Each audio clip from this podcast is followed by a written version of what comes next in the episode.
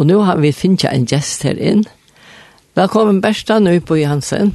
Jo, takk. Og du er sommergjest, vi kallar det sommergjest, det er sånn som er hjemme og ferie, så kan det lykke en tur i lintene. Så du er dere sommergjester i morgen, du du bor jo nyrre. Ja, det er jeg. Det er du, men du er født i førjen. Ja, ja, det er jeg.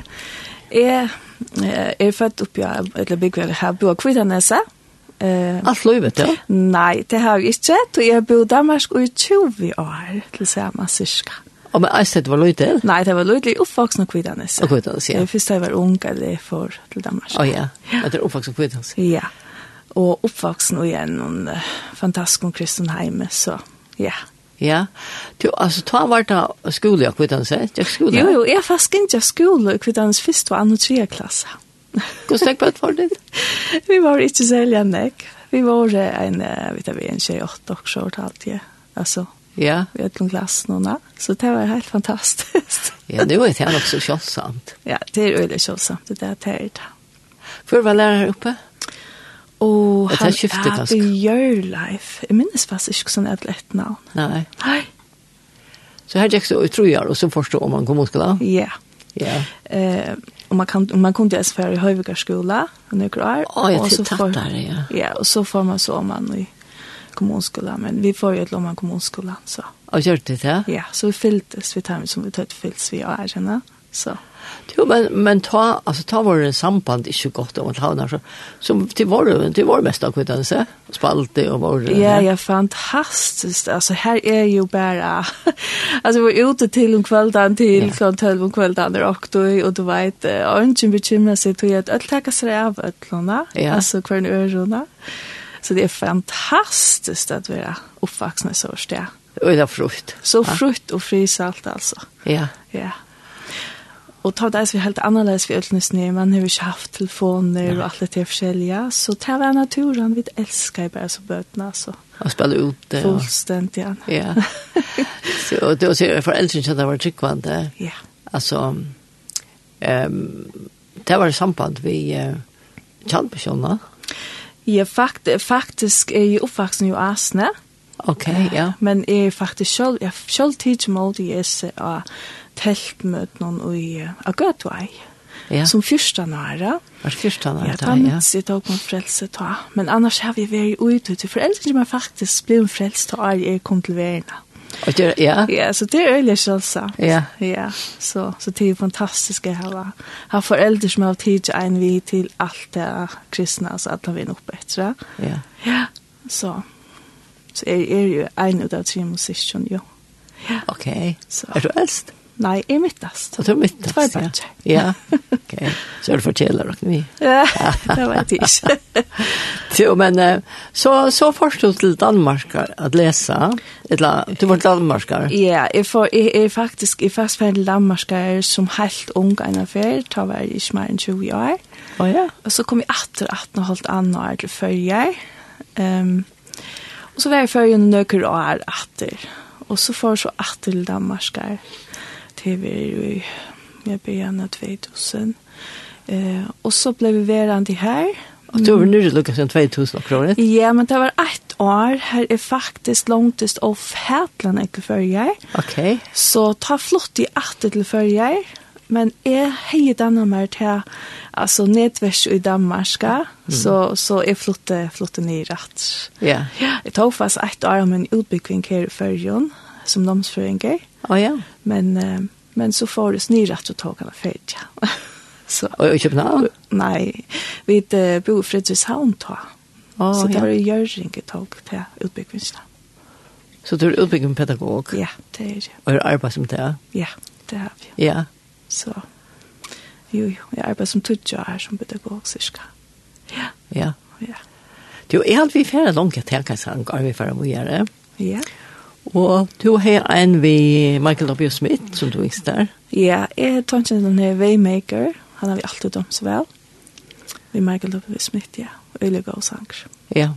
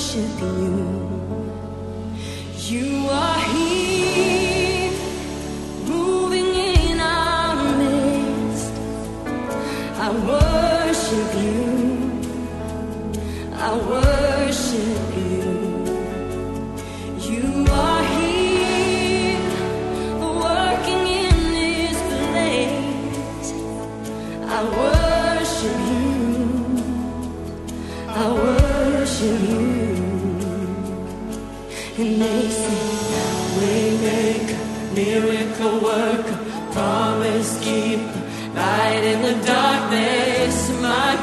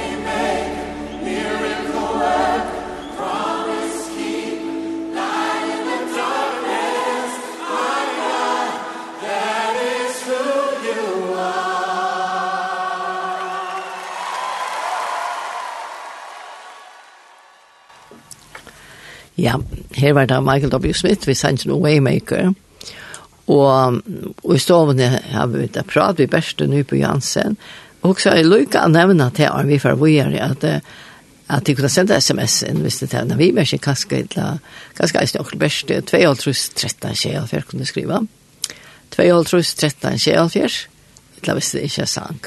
Så to besta altså du sier du ble du ble om at du ble frelst til det første år gammel, og til å ha større en tøtning for det jeg løyve, og ikke minst nå. Ja? Helt sikkert, helt sikkert. Det er jo bare å være en prosess, og bare langt slett å kjenne Jesus enn bedre. Ja. Og, og, og det er vi at halda seg til han, og halda seg til ånder som er, altså, som man sier, ikke av er i branden, og det er bare så viktig. Og alle vi upp etter sjøen, det hadde vært tog som har vært mer, torra tog antal ja. og så hadde det vært perioder her man hever, vært mer brennende, ja. Og, og jeg kan si til at, altså, nu har vi jo med min kjent kvann annan og i, jeg synes mer enn åtte år, og, og vi er gift og tjej år, så oh, ja. jeg er en til å være ensamhet vi, vi min kjentene, ja. og til oppe etter at vi kjøkkene har vi ensamhet vi time, og til selv om de har haft noen erbjørnger her og der, eh då man ofta för sig sin ensam man eisen tar man er och samkom och i kyrkje ha till alla andra har familjer yeah. där och så där det är inte så lätt det är inte alltid så lätt men men helt visst ha alltså Jeg flyttet til, jeg har bo i Fredrikshavn i 20 år. Oh, ja. Og her kom vi i en fantastisk samkomme. Eh, og, Hva er det? Hun er til Fredrikshavn Kirkesenter, en frukirke. Og oh, Kirkesenter, ok, ja. Ja, och här her, altså fellesskaperen her, altså, det var noe helt særlig god sted ut i at roma öll om man så kvört ha vara og det er noe som är bara viktigt det där och i i samkomna kommer og i halvtid, ja. Ja. Och färdigt viktigt. Så. Det er så viktigt tror jeg, det er nästa som här var stora uppgångar. Ja, det är sikkert. ja. Altså, Vet du, vi ensam jag så. Ja. er fick øyne, jag ofte, altså. Men men her har vi finnet øyne, ölen jag vi gå fällskap. Ja. Og gå av vinkoner, og her var det snack för en gång så jeg helt med øyne, jag til för en gång va. Um, og vi tar bare, altså, nytt fällskap här alltså Ja, helt sikkert. Men ikke, altså, til ikke å si at det bare har lagt, det har vært ikke vært. Nei. Altså, tar du vant til å tjene ved Jesus, så kommer jeg bjørn kan reisende ved, ja. Men det er, hvis du kikker etter, som jeg sier, problemene som du møter i livet nå, og blir vi fokusert på det her, ja, men så er det det som er fytla for det, ja. Men alltså bjerge framför Goliaten framför det. Ja. ja. Men hvis du inte har fokus och på det så jag men helter teker och okej, okay, kvän kan hjälpa, kvän kan hjälpa mig här. Alltså det vi att du tek samkomna bruka det du hever her i samkomne eisen til å lytte deg opp i bøen, altså hvis du hever en svære periode. Jo, men var det så mye åpig i styrkjen at man kunne godt til dømes, hvis man heter ikke sier at det er oppe av bøen? Altså, hva skal faktisk så, så var det ikke så Alltså vi är var en kvinna som är tåsa nekvi, som är nästan bara innan vi en kommer tåsa nekvi. Oh, ja. Och hon var en bönerkämpa. Så ja. hon helt allt och en uppe, hon visste att jag syns du hävde svärst nu. Hon nästan bara kickade på ham, ja. Menar du det? Ja, så det var ja. så fantastiskt att vara sikna. Så hon, hon kom upp till en nekvi med. Så. Ja. Ja, så. Jo, jo. Så det, det var en god tog här vi bor i Hebbar. Det bor det tutsch år. Ja. Og så flyttet. jag. Och så flyttade jag så så kom jag känna. Så flyttade jag efter Aalborg för att läsa. Aalborg skal være en kom. Jeg kjenner ikke Aalborg men altså, jeg ser til en del boer. Alltså när jag skulle läsa som för att få ett arbete flyttet till Aalborg och där här är så kom kontakt med mannen som mig. Oh ja. Så kom jag känna han. Ja. Ja, det är ett gott ställe. Vi är ett trevligt omgång till här. Nej, det är det. Ja. Det är kom, jag har vi tutsch år för sauna. Ja og og tog Jarvis havn til Sverige bare flytta videre, men jeg fikk kanskje arbeid akkurat da, det var sint det finne arbeid, så. Å oh, ja. Så tog jeg flott i et år, og her fikk jeg arbeid beina ved i Aalborg. Det er også en til vi tvei med bøtten og flytta, ja. Jeg kjente heldigvis omkran, men altså, okay. så, ja. nei, den eldste jenten, hun var ferien et skolen da, og så når jeg gav og var flott. Så, ja. Ja, så ja, ja. Men, men jo, så møtte jeg honom her, og så blir jeg nødt nytt kapitel. Nytt kapitel, og hvordan er det med væveren kjenner? Han heter Klaus, Klaus Johansen, han er kjent danskar, ja. Ja. ja. Så. Jo, jo, altså, beina veien vi møttes, så tatt jeg ikke slengt, og så visste jeg bare, ja, dette er det. Dette er med over inn, og hvor god til at jeg ikke så lenge at tog jeg Arne skulle finne han til, så det er et godt spørning. Jeg vet ikke om du nærkere forsvær, bare. Nei, det er det. Så det är fantastiskt att vi är två samman och kunna tjäna gode samman. Han är bredden till trunn i eisen. Ja, så det vill jag ta samman. Vill jag ta samman och leva vid Jesu kvänt det är och uppleva en äck samman. Alltså. Ja. Vi blir se att det är uppleva en äck samman. Eisen är björngar, men nek god tinka. Ja. Att det vi vill uppleva en äck samman. Det är som man alltid har känt kvann annan. Ja, så det, ja. och det är, det är vi slå alltså. Det var fantastiskt att kunna vara så öppen i förkorrör. Helt säkert, helt säkert. Ja. Ja. Nu får vi ta att andra den sanget att jag som du nämnde en danska sang. Ja, det är vi. Simon Pedersen, han älskar mig.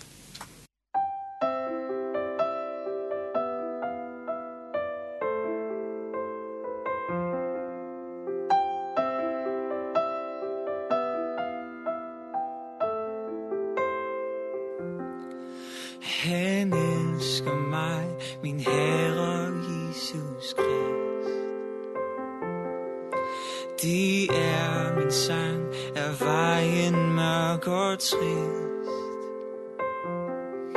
Når verdens bølger bruser mod min sjæl Han elsker mig, uh, så er alting vel.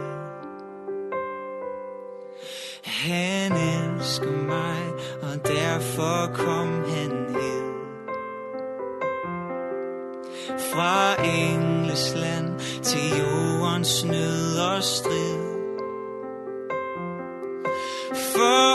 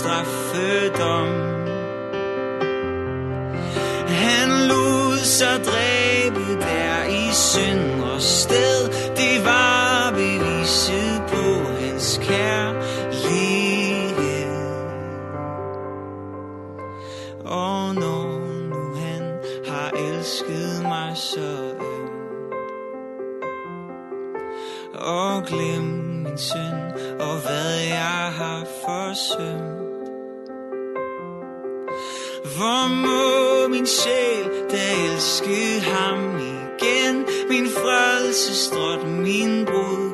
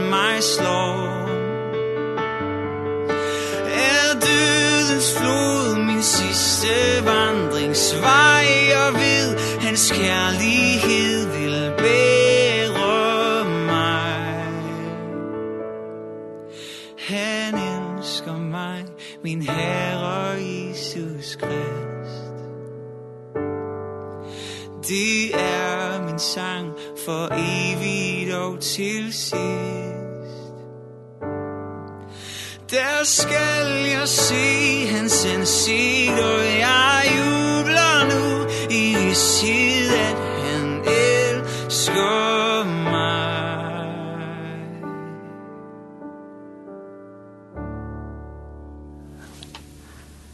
Ja, her hørte vi Simon Petersen, vi han elsker meg. Og best du er sitte her, best han er på Jansen og tåse om løyve som helt. Og Du nevnte, Luka, at du ble to og Klaus ble gift. Ja. Ta Birgitte Luka som en nytt kapittel. Ja, en fantastisk kapittel. En fantastisk, ja. Da er vi ensamhet som jeg kvar, haft en langslett å finne den mannen, og så kom han her. Jeg synes sagt helt i kjall, men så er det til først. ja. Um, ja, og han har en døtter, og jeg har tvær døtter, så... Så så ska man lära vara familj så man tar man är en sambrack familj. Ja.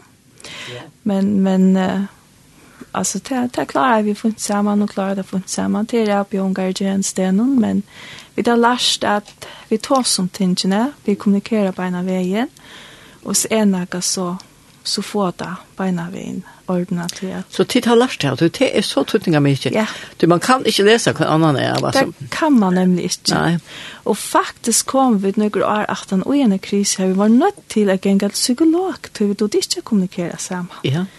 Og det var tog at denne krisen, eh, vi miste faktisk et baden, og, og tannkrisen og seg selv, det var jo øyelig hars. Ja. Det kom ikke noen. Det var så en, et overfødt baden. Hun er Sara, fantastisk. Det betyr prinsessa. Og så er hennes navn. Ja. Ja. Hun, hun ble 32 viker, så. Så sjøen han vet det harst at, at kom ikke noen. Eh, og ta, nødt, ta for vi nemlig etter til psykolog og og var nødt til å lære om kommunikasjon, til at vi, vi tog slett ikke vite når. Han tog ikke sånn når jeg var kjett, og Og menn der har ofte til vi tar en måte arbeid, så er prosesser til arbeid der vekk på en eller annen måte. Ja, og og likamlig eller sånn. Ja, likamlig arbeidet er vekk, og vi vil gjerne ta oss og følelse kvinner. Ja, ja, ja. ja. Nei, vi lærte og vi fikk ordentlig å gå psykologhjelp. Det er virkelig hva siktelse for god i at, at det finnes psykologer og andre. God bruker jo hvem som helst, altså. Ja. Det er, det er noe han gjør. Ja, men, men jeg vil ikke komme etter å, det her vi... Uh, tar vi miste, tog åre vi miste vattnet. Uh, vi hadde faktisk en langsel bæget tvei om at uh, det må være mer få fra Jesus, det er vi brant noen, altså vi, vi vil gjerne bare suttje mer, oppleve mer av Jesus, ja.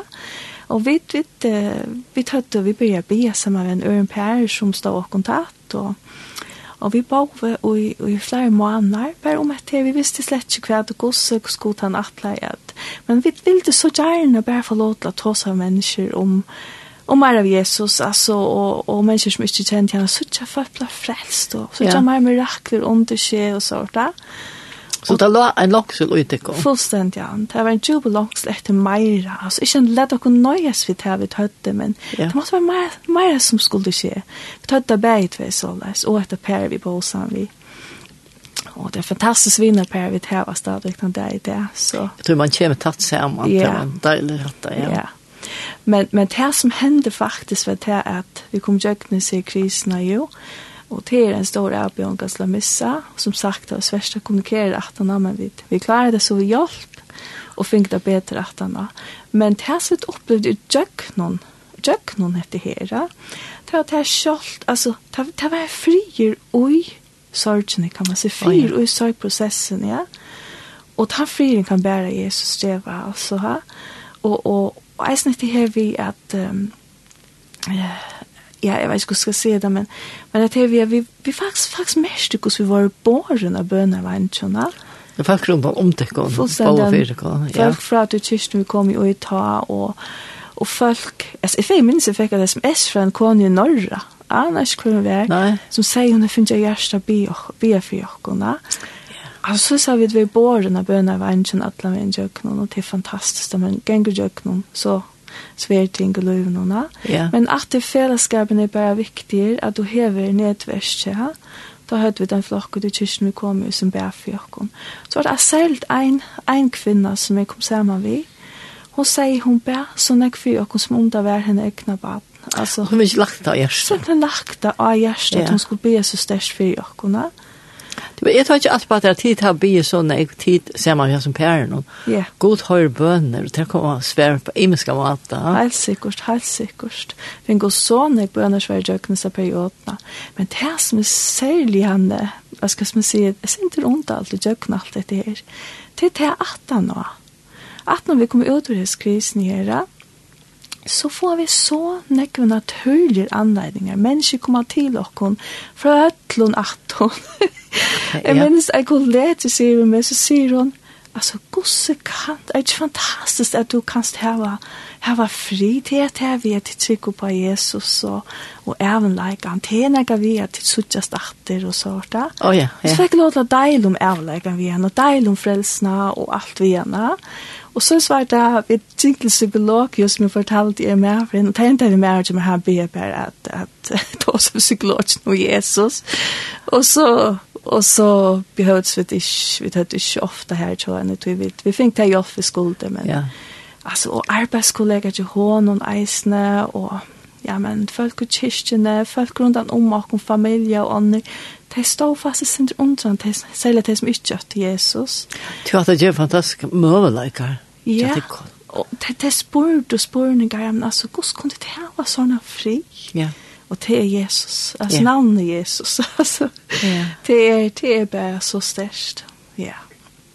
Du, um, nu spør jeg kaldt av noe til til, nå, er gift og nå skulle det ha en baden og så har du mistet det er det her er ikke noe kvøy, er det som man kan leggja det ut Jesus, og bare sier du var best i land det som vi hadde valgt vi tok et valg ta i mævren. Ja. Vreina henne letja vi til satan. Vi hava ikkje bitterhet til god av hette her.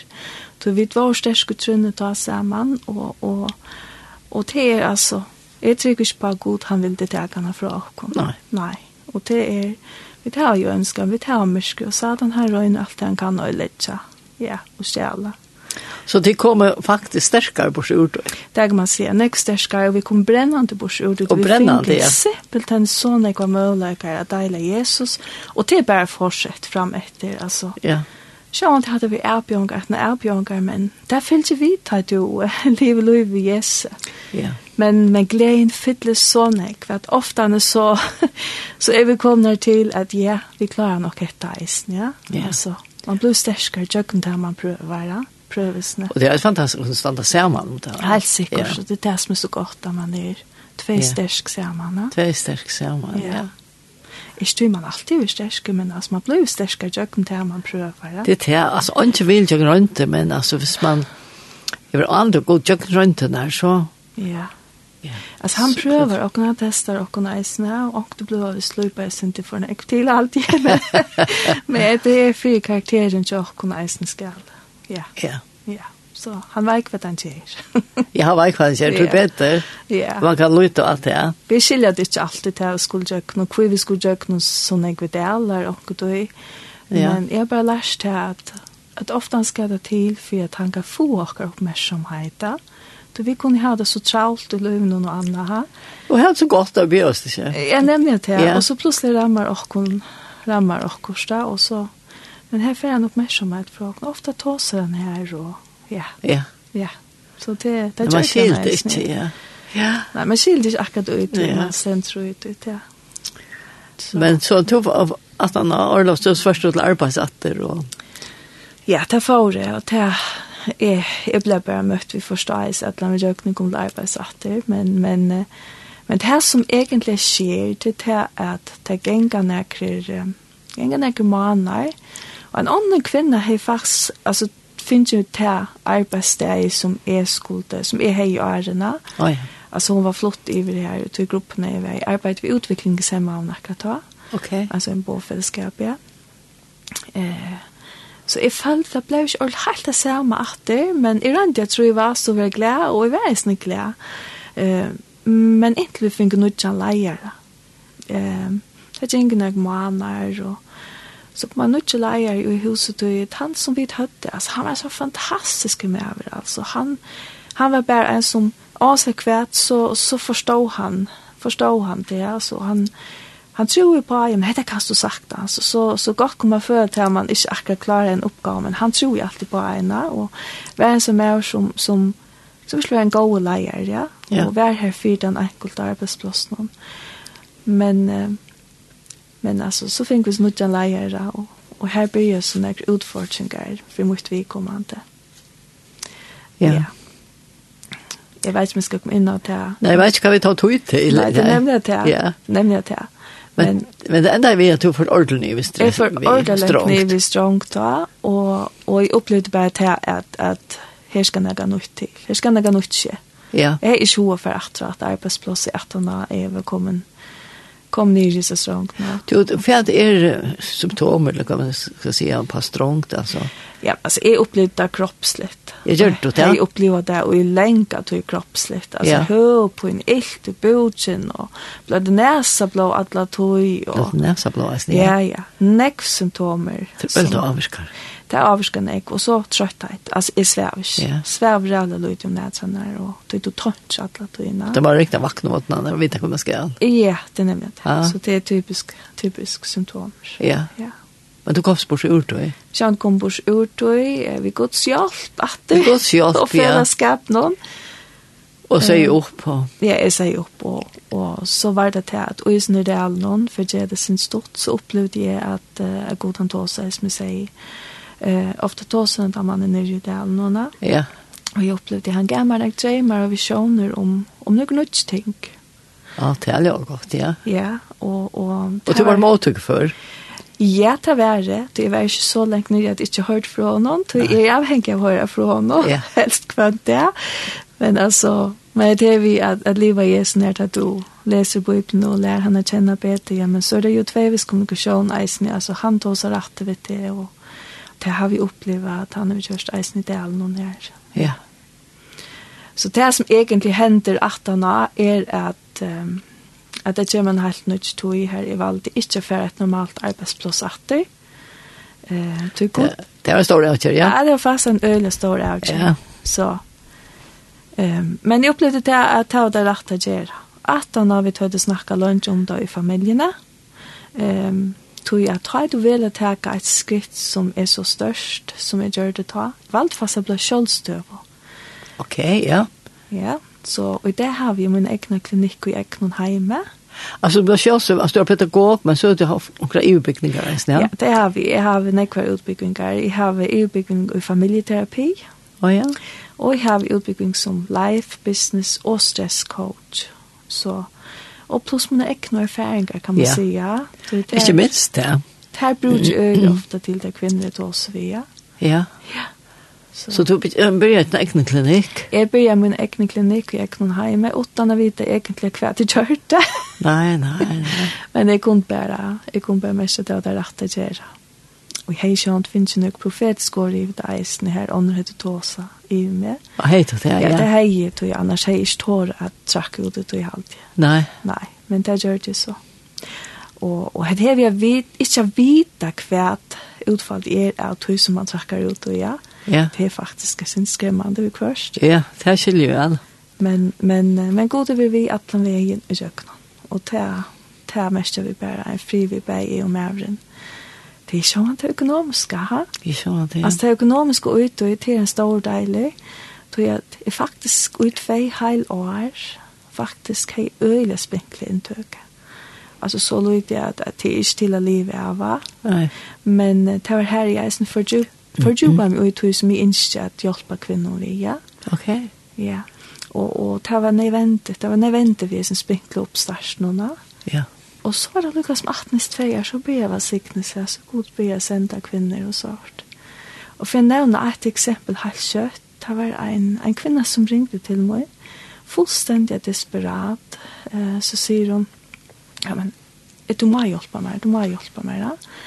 Og, og, og den kvinnen har faktisk hørt med om mannen til meg, Vi tar vi lintene før. Og for flere år siden? Ja, og tog oh, ja. akkurat mist, bare som jeg har fortalt og, og hon er hørst okken ta, og mitt navn ble vi at komme opp i henne sinne, altså yeah. hun kunne ikke komme vekk fra min navn, ja.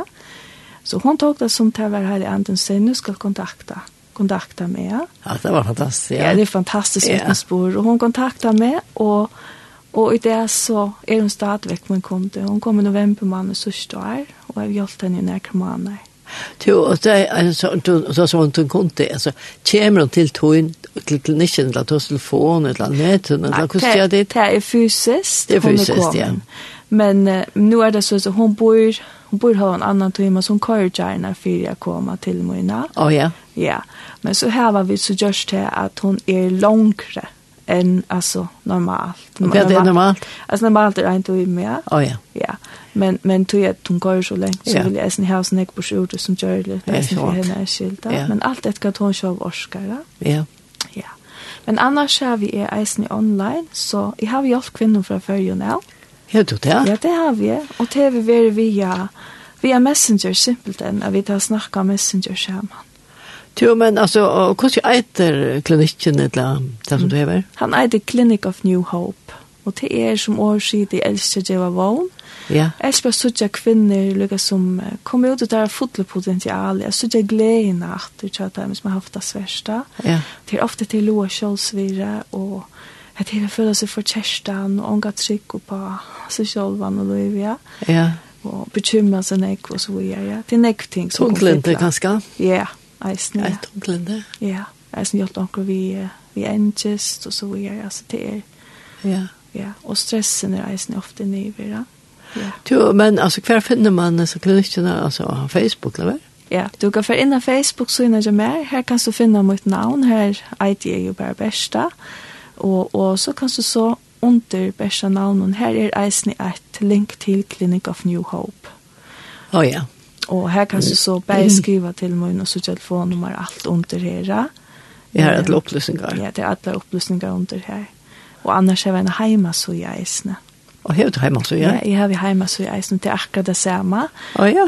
Det er bare www.clinicofnewhope.dk og ikke .f. Ja, ja, jeg har vant det. Så. Altså alt i en ordet? Ja, clinicofnewhope.dk. Ja. Ja. Så. Så det blir til den som är wow lever törvat man kan alt, man kan alt spørre, Ja? Helt sikkert, helt sikkert Og, Og hvis du ikke skriver til meg, det kan du sjå i eisene. Det synes eisene inni av her hvordan du kan skrive. Ja. Og, og det er versta clinicofnewhope.dk. Okay, ja. Altså det er, alt finner du her inne. Så, okay. Ja. Og jeg kan lukka se hva en frutja det er, så deilig er altså Og det er helt offentlig du bare kan komme inn og så inn i arbeid. Så deilig er simpelthen oppmuntran og vogn og og noe som jeg har selv kanskje opplevd døgn og vikna, og så deilig ut, altså, alt jeg synes vi gods år jeg er inn i hverandre. Ja. Så jeg, jeg blir så trøtt av alle alternativer som påvar opp alle tøyene, ja. ja. og jeg halte det bare så viktig vidt som Kristin vil råbe hars nå, altså.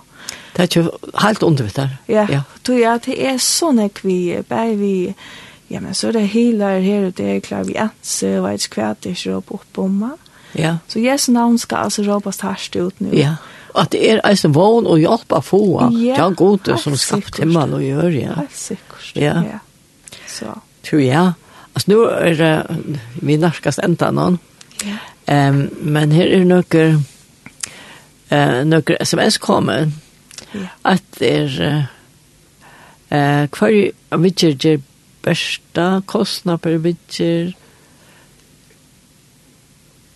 ja på bästa äsne fältje vi rosträcka tror på det gång och hin är tack till båda för en god röra sändning har en ehm men nu har jeg ikke tänkt att svære på en her, men du, du skal vel ha mer vita om kontakt med så fältjena så jeg vet ikke hvis det ja. er. Altså det jeg kan si till det er at uh, till kunde alla kontakta inn på Facebook og jeg vil svære beina vägen. Ja. Og her er et telefonnummer om du vil ringe til meg. Det kan lukke si her här hashtag. Det er 20 nutje fors 0 nutje 00. Så det är sjön svärs lukka svär på akkurat her vi rossträcka. Tror jag att uh, sjön de har vi en nekvann kännskap till det. Tror jeg faktisk livet sammen vid Ja, er mannen som har vært utstrekket. Altså, jeg kjenner nek til det. Så, men jeg kan ikke si at det, det er det som er beskjeftet med vi mest. Nei. Det er det ikke. Nei. Nei. Men her er det ikke sagt at det ikke kan hjelpe. Men, men så kunne du kontakta deg og så få alt å vite om kostnader. Helt sikkert, helt sikkert. Ja. ja og eisen hver vidtjer er gjer, er gjer vi, altså, ofte er det coaching, og det er jo et effektivt raskip til forandring, atlan vi en jøknum. Ja. Og eisen, hvis man har minstru sin loiv som er svære bråta, helt sikkert coaching, så effektivt. Jeg har vi sett... Coaching, hva det? Ja, men coaching, det er, her er spyrje spurningar, jeg har finnet en modell til å spyrje spurningar, og her to ofte sjål sitter vi sværen og inn i det. Okej. Okay. Ja. Og så får man det fram. Og så kommer det fram, og du får sånne hver innsikter, og, og det er så effektivt. Ja. Altså, alt som jeg har prøvd, det er som ikke kjenner til coaching, at annet, det er så positivt. Ja. Ja. Så helt sikkert sånn jeg som er, er verst å prøve. Du, og, og så sånn, du blir ikke av fire time som kommer til døgnet, jeg vet ikke. Men at han som kommer til tøyen, han skal ikke avkjøre om det blir bøndelig. ikke hva sagt. Helt sikkert. Altså, bøndelig er ikke noe etter penger fire. Ja Nei. Det er du. Men jeg spør jo alt i åren. Uh, har du behov for bøn, altså, så ber jeg vidt åren, og så får jeg inn den faglige deilen. Alt i 18 og eisene, så spør jeg skulle ikke avslutte vi bønene. Og jeg kan saktans eisene inni i sjølva i. Det er ikke bare coaching, det er eisene vanlige øvelser i djeva og så rett. Det er alltid effektive øvelser, altså, til akkurat her som du er til løven og kjattere. Okay, ja. Um, og, og, og alt i inni og her kan jeg eisen godt teka godsår inn, teka skriftstå inn og ja. Ja. Tror jeg til er god er ikke opphevja, og, og det er han som kan gjøre det her fullstendige frihet. Ja, han er, er han er redskap. Ja, ja. Det var han er. Og han er grunntallet i kletteren. Helt sikkert, ja. helt sikkert, ja. Bare så vidt nøyest for å enda her. Ja Ja. Ja, du vi kunde gått inte fram. Ja, det kunde du helt säkert. Men jag också och du kunde be för det time och bärs var sätta det in och eisne time så lusta. Ja. Det vill jag. Men det ända vi tog. Ja. Åh, tack Jesus. Ja. Takk Jesus at du uh, gav mødleggen for at jeg kunne være her i dag, Jesus. Og takk for at jeg har delt, Jesus. Og jeg tester for at jeg kan gjøre en forskjell her ute for dere, Jesus. Jeg tester for at uh, her som folk har trobeleikere og ikke vet hva du koser, Jesus, at jeg skulle henvende seg til deg, Jesus, først. Men om det er Jesus, så lette jeg eisene finne veien kanskje til Clinic of New Hope.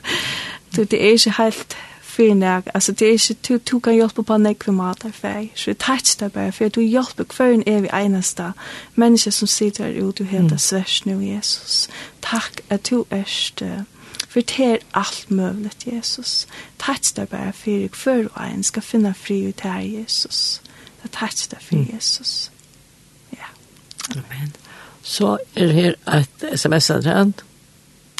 Um, Takk for sere god sending. Godt at høyre av gode nevner dekker sending. Han er metter. God valgsikten til Bersta. Jo, takk for det. Ja. Ja, at det er hjertet vermande. Helt sikkert, helt sikkert, ja. Og tusen takk for at du komst her og god sikten til og tykkon og mannen og alt og hitt ikke arbeidet. Og så får vi til høre at han sørste sannsyn til yngste, og til var uh, vi sammen han og Longberg. Her står Jesus. Ja. Yeah.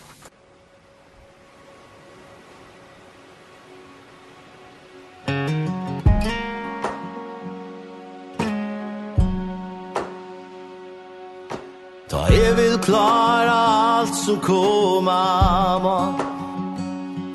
Røyne sjolver, men er fredelig at ur ta. Kossi ofta her vi er røynt hesa lei.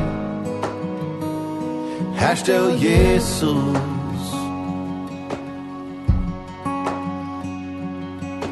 Ta alt i bygd i ny ræpa i Atler muiner viner flutja vi fra meg Jeg kunde ikkje sutja Jesus da men då Her stod Jesus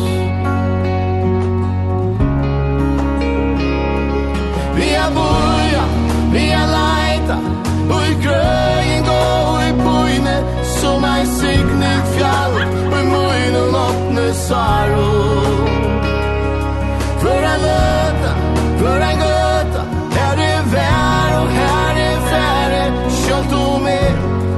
you saw or ont you følde